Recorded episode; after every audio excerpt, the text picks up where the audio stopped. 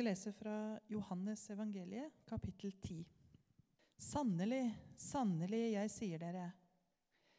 Den som ikke går inn til saueflokken gjennom porten, men klatrer over et annet sted, han er en tyv og en røver. Men den som kommer inn gjennom porten, er gjeter for sauene. Portvokteren åpner for han, og sauene hører stemmen hans. Han kaller sine egne sauer ved navn og fører dem ut. Og når han har fått ut alle sine, går han foran dem, og sauene følger ham, for de kjenner stemmen hans. Men en fremmed følger de ikke. De flykter fra ham fordi de ikke kjenner den fremmedes stemme. Denne lignelsen fortalte Jesus, men de skjønte ikke hva han mente. Da sa Jesus, 'Sannelig, sannelig, jeg sier dere, jeg er porten inn til sauene.' Alle de som er kommet før meg, er tyver og røvere, men sauene har ikke hørt på dem. Jeg er porten. Den som går inn gjennom meg, skal bli frelst og fritt gå inn og ut og finne beite. Tyven kommer bare for å stjele, drepe og ødelegge. Jeg er kommet for at dere skal ha liv og overflod. Slik lyder Herrens ord. Og Så hadde vi lest teksten i cellegruppa for halvannen uke siden. Og I løpet av to minutter så var det sånn følelse av et sånn gedigent mageplask. Husker du de der glansbildene med Jesus med et lam rundt halsen? De var ikke særlig fine. Og ikke var de så inspirerende heller. Og Hvordan er det egentlig å bli sammenligna med en sau? Hæ? Vi har jo et uttrykk 'dum som en sau'. Og så ja, 'Dere er sauene'. Veldig festlig. Og så liker jeg egentlig ikke sånn, sånne dør, sånne små. Det er smalt, det er trangt liksom, Du må komme deg gjennom en sånn liten dør. Der starta samtalen i cellegruppa rundt denne teksten i Johannes 10. Og jeg lurte på hvordan i all verden skal dette ende? Eh, er det ikke noe å hente for oss i dag? Er det totalt passé? Det er jo litt utfordringer når Jesus forteller hverdagslige fortellinger for 2000 år siden, og så skal vi prøve å finne noe mening i dem i dag òg. Det er jo ikke alle fortellingene som fungerer til evig tid. Og Likevel så slår det meg at det, det er utrolig mange av fortellingene i Bibelen som har vist seg å ha noe å si gjennom generasjonene likevel. Selv om det er ting vi ikke måtte kjenne igjen med en gang. En kamerat av meg fortalte det at ja, sauer og sånn, det har jeg ikke peiling på. Men det som fascinerer meg, det er å stå og se på et sånt fuglefjell. Og det er et evinnelig skrik. Og Likevel så finner disse her eh, mødrene og fedrene som kommer med mat, likevel så finner de sine fuglunger midt i det der eh, For meg som bare høres ut som en sånn voldsom lyd. Så midt i alle disse lydene så klarer de å gjenkjenne den ene stemmen og finne fram. Og på et eller annet vis så sier Jesus òg noe om at han gjenkjenner vår stemme, vår egen stemme, og har òg en mulighet til å kommunisere personlig til hver enkelt av oss. Men det var dette her med sauene, da. Hva får å trekke ut av en sånn lignelse? Jeg satt og så på det som var litt rundt. For det er egentlig en ganske stor diskusjon som Johannes tar opp her. Så la oss kikke litt på det som er rundt her. Hva som har skjedd rett før? Jo, det er at Jesus har helbredet en blind mann. Og Egentlig så er det en fornøyelig samtale mellom denne blinde mannen og de religiøse lederne, fariseerne, som var irriterte på at Jesus hadde gjort dette på en sabbat. Så de innkaller ham til forhør nummer to. Og Da sier han sånn at Jeg har allerede sagt det, og dere vil ikke høre på meg. Så han fortalte en gang til vil kanskje dere òg bli hans disipler? Og Han aner ikke hva han setter i gang med sånne spørsmål. Men de skjelte han ut og sa, 'Du er hans disippel. Vi er disipler av Moses.' Og så kom han med et svar, da. Det var jo merkelig. Det var merkelig. Hvis denne mannen ikke er fra Gud, hvordan kunne han da gjøre meg frisk igjen? Og Hvis dere sier at det er ingen syndere som kan gjøre noe så godt, hvordan kan han da ikke være fra Gud? Og så sier de, 'Du som er født som en synder tvers igjennom, og du vil belære oss', sa de. Og så kasta de han ut. Og så møter Jesus han etterpå. Så er det noe med dynamikken her på hvem skal lede oss? Hvem skal bestemme over oss? Og For jødene så hadde de et tydelig forbilde som ikke var så langt unna. De hadde David, gjetergutten, som ble konge. Han var på en måte drømme, på en måte ideal om hvem som skulle lede og herske. Og Samtidig så peker David på at en dag så skal Gud innsette en ny leder som ikke skal bruke makt, som ikke skal bruke våpen, men som skal styre ut ifra kjærligheten. Og hvordan kan det gå til? Men det som de ser, og det som skjer etterpå, er jo at det, det er hanukka. En jødisk fest der de feirer at tempelet ble innvia på nytt igjen. Og Vi må ha med oss den historien. 167 år før Kristus. Det greske riket til Alexander den store er på en måte begynner å gå i oppløsning. Men det er en gresk konge som bestemmer seg. Jeg vil bestemme over Israel. Og Han angriper, og han går inn i tempelet, og han river alt det hellige. Det river han ut, og så setter han inn noen greske guder midt i tempelet. Det verste som kunne skje i forhold til å vanhellige det hellige plassen. Og ut forbi en, der sitter Judas Makabeus og sønnene hans og bestemmer vi gjør opprør. De får med seg en gjeng, og de klarer etter hvert å vinne over denne greske kongen, få han ut igjen. Og så blir de sjøl, Judas Makabeus, innsatt som konge over Israel. Og de feirer innvielsen av tempelet. Ting, alt ble gjort rent, alt ble måtte, satt tilbake sånn som det var. Og så ble de innvia på nytt til Gud. Det var det de feira år etter år. Hanukka, rett før jul, så feira de dette. Eh, for å markere tempel, innvielsen på nytt igjen. Så når Jesus kommer her da, midt under denne høytiden og sier det at eh, her kommer det en ny gjeter, eller en ny konge, så er det ganske provoserende. Og Samtidig så er det mange som tenker ja, skal han være en ny Judas Makabeus som skal være med å drive romerne ut?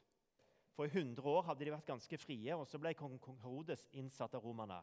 Og Han gifta seg med en prinsesse av Makabeus-slekta for å prøve å gi litt legitimitet. Men han hadde jo ingen reell makt. Han var jo totalt underlagt romerne. Men Jesus sier, 'Jeg kommer som en annerledes konge'.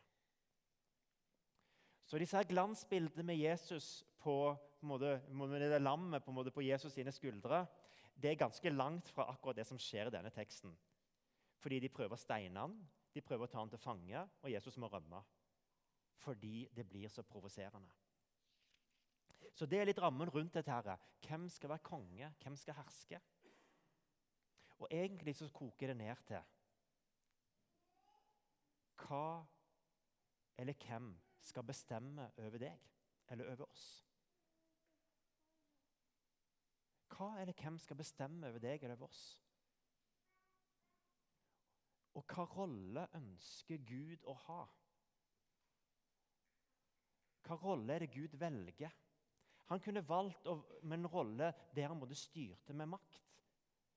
Men han velger en helt annen vei for å gi oss friheten til å velge sjøl.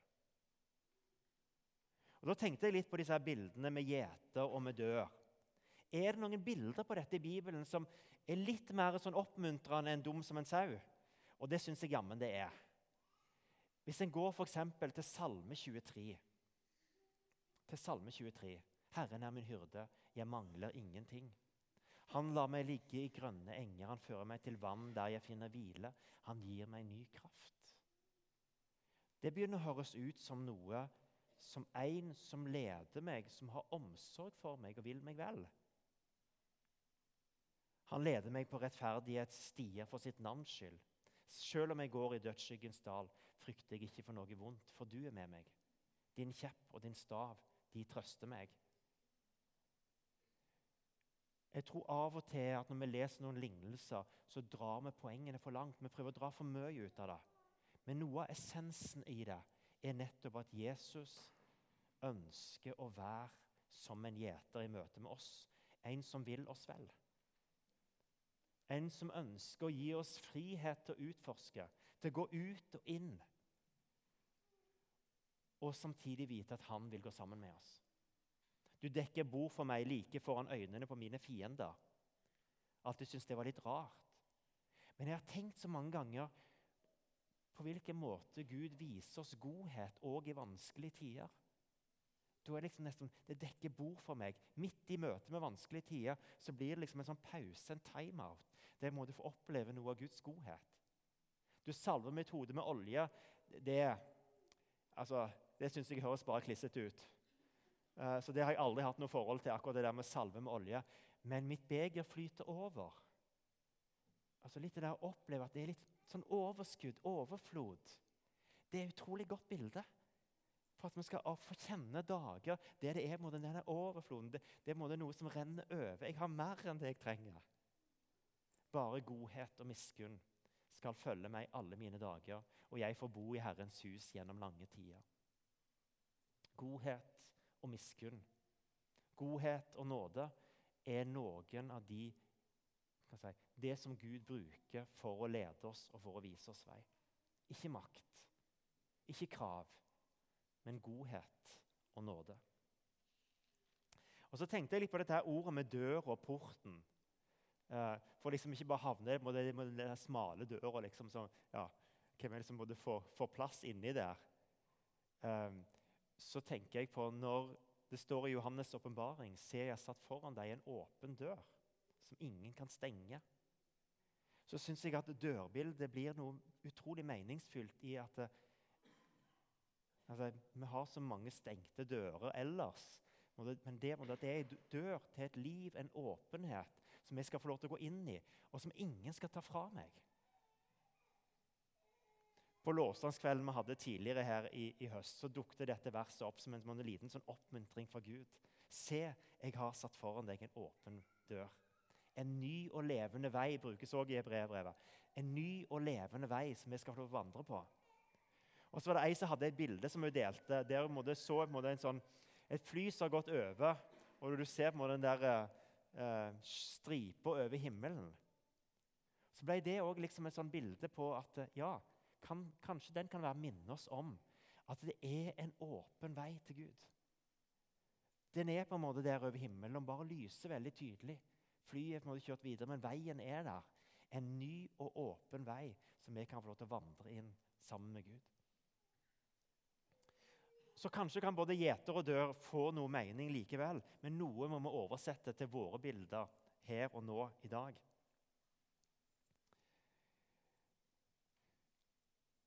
Jeg har lyst til å vise dere en liten film.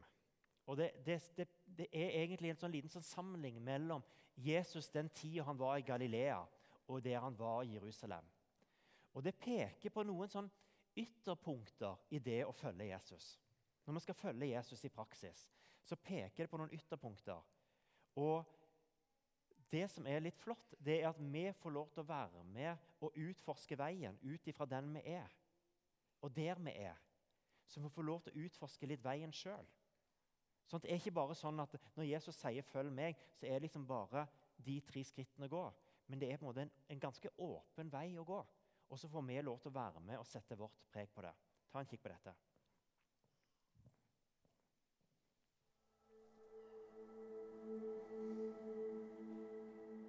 Det bildet som tegnes av Jesus i Galilea, er et litt annet enn det bildet som tegnes av ham i Jerusalem. Men også mye annet i troen påvirkes av om vi holder oss til Jesus fra Galilea eller Jesus fra Jerusalem. Her er noen eksempler.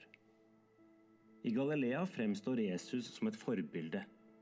En moralsk og åndelig autoritet som inspirerer til etterligning og etterfølgelse. I Jerusalem møter vi Jesus som frelser. som gjør det ingen kan eller skal imitere. Han dør under vekten av verdens synd og står opp som en suveren seierherre. I Galilea blir det å tro fremstilt som noe aktivt. Disiplene er lydige, nysgjerrige, initiativrike og handlekraftige. I Jerusalem er det å tro noe passivt. Disippelskapet bryter sammen, og de tar imot korsets mysterium og nåden i tillit. I Galilea møter vi hverdagen. Det er her Jesus lever sitt hverdagsliv. Og de han møter, ja, de er som regel i hverdagslige situasjoner. I Jerusalem reiser Jesus for å feire høytider. Her er det årets og livets høydepunkter som blir feiret. I Galilea er gudshusene enkle synagoger, drevet på dugnad og frivillighet. De ukentlige aktivitetene foregår i en uformell ramme. I Jerusalem ligger tempelet. Her er det stil på tingene. Prosesjonene er lange, og korene er store. Ingenting er overlatt til tilfeldighetene. I Galilea er fokus på livet her og nå. Jesus forkynner om å bry seg om sin neste, om å være et medmenneske, om at Guds rike er midt iblant dem. I Jerusalem aktualiseres de evige spørsmålene liv og død, synd og nåde, skam og oppreising, mørke og lys, angst og håp. Man kan godt si at Galilea representerer tverrbjelken i korset. De mellommenneskelige gode gjerningene. Dette er korset vi alle må bære. Og man kan godt si at Jerusalem representerer langbjelken i korset. Denne pålen er det Jesus som setter der. Den handler om gudsforholdet. Her er det ingenting vi selv kan bidra med. I spennet mellom Galilea og Jerusalem befinner vi oss alle sammen. På noen områder dras vi mot Galilea, på andre områder mot Jerusalem. De første evangelistene la ulik vekt på Galilea og Jerusalem. Det gjør vi alle, og slik redigerer vi vår Jesusfortelling.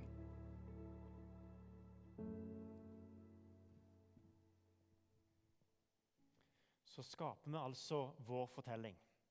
Og I dag så handler det nettopp denne veien. Ingrid skal synge en sang for oss som handler om veien. At Jesus leder oss på en vei, og vi får lov til å være med og utforske. Hva betyr det å ha og gå sammen med Jesus i vår hverdag, i våre liv? Det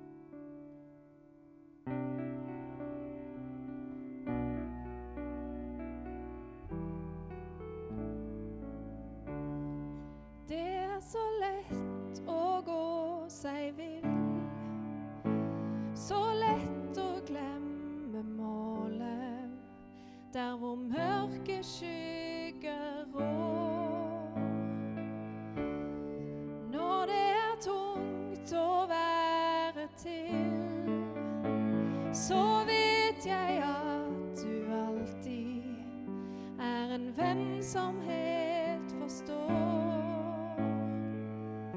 For du skjenker meg nåde der hvor skammen fikk råde.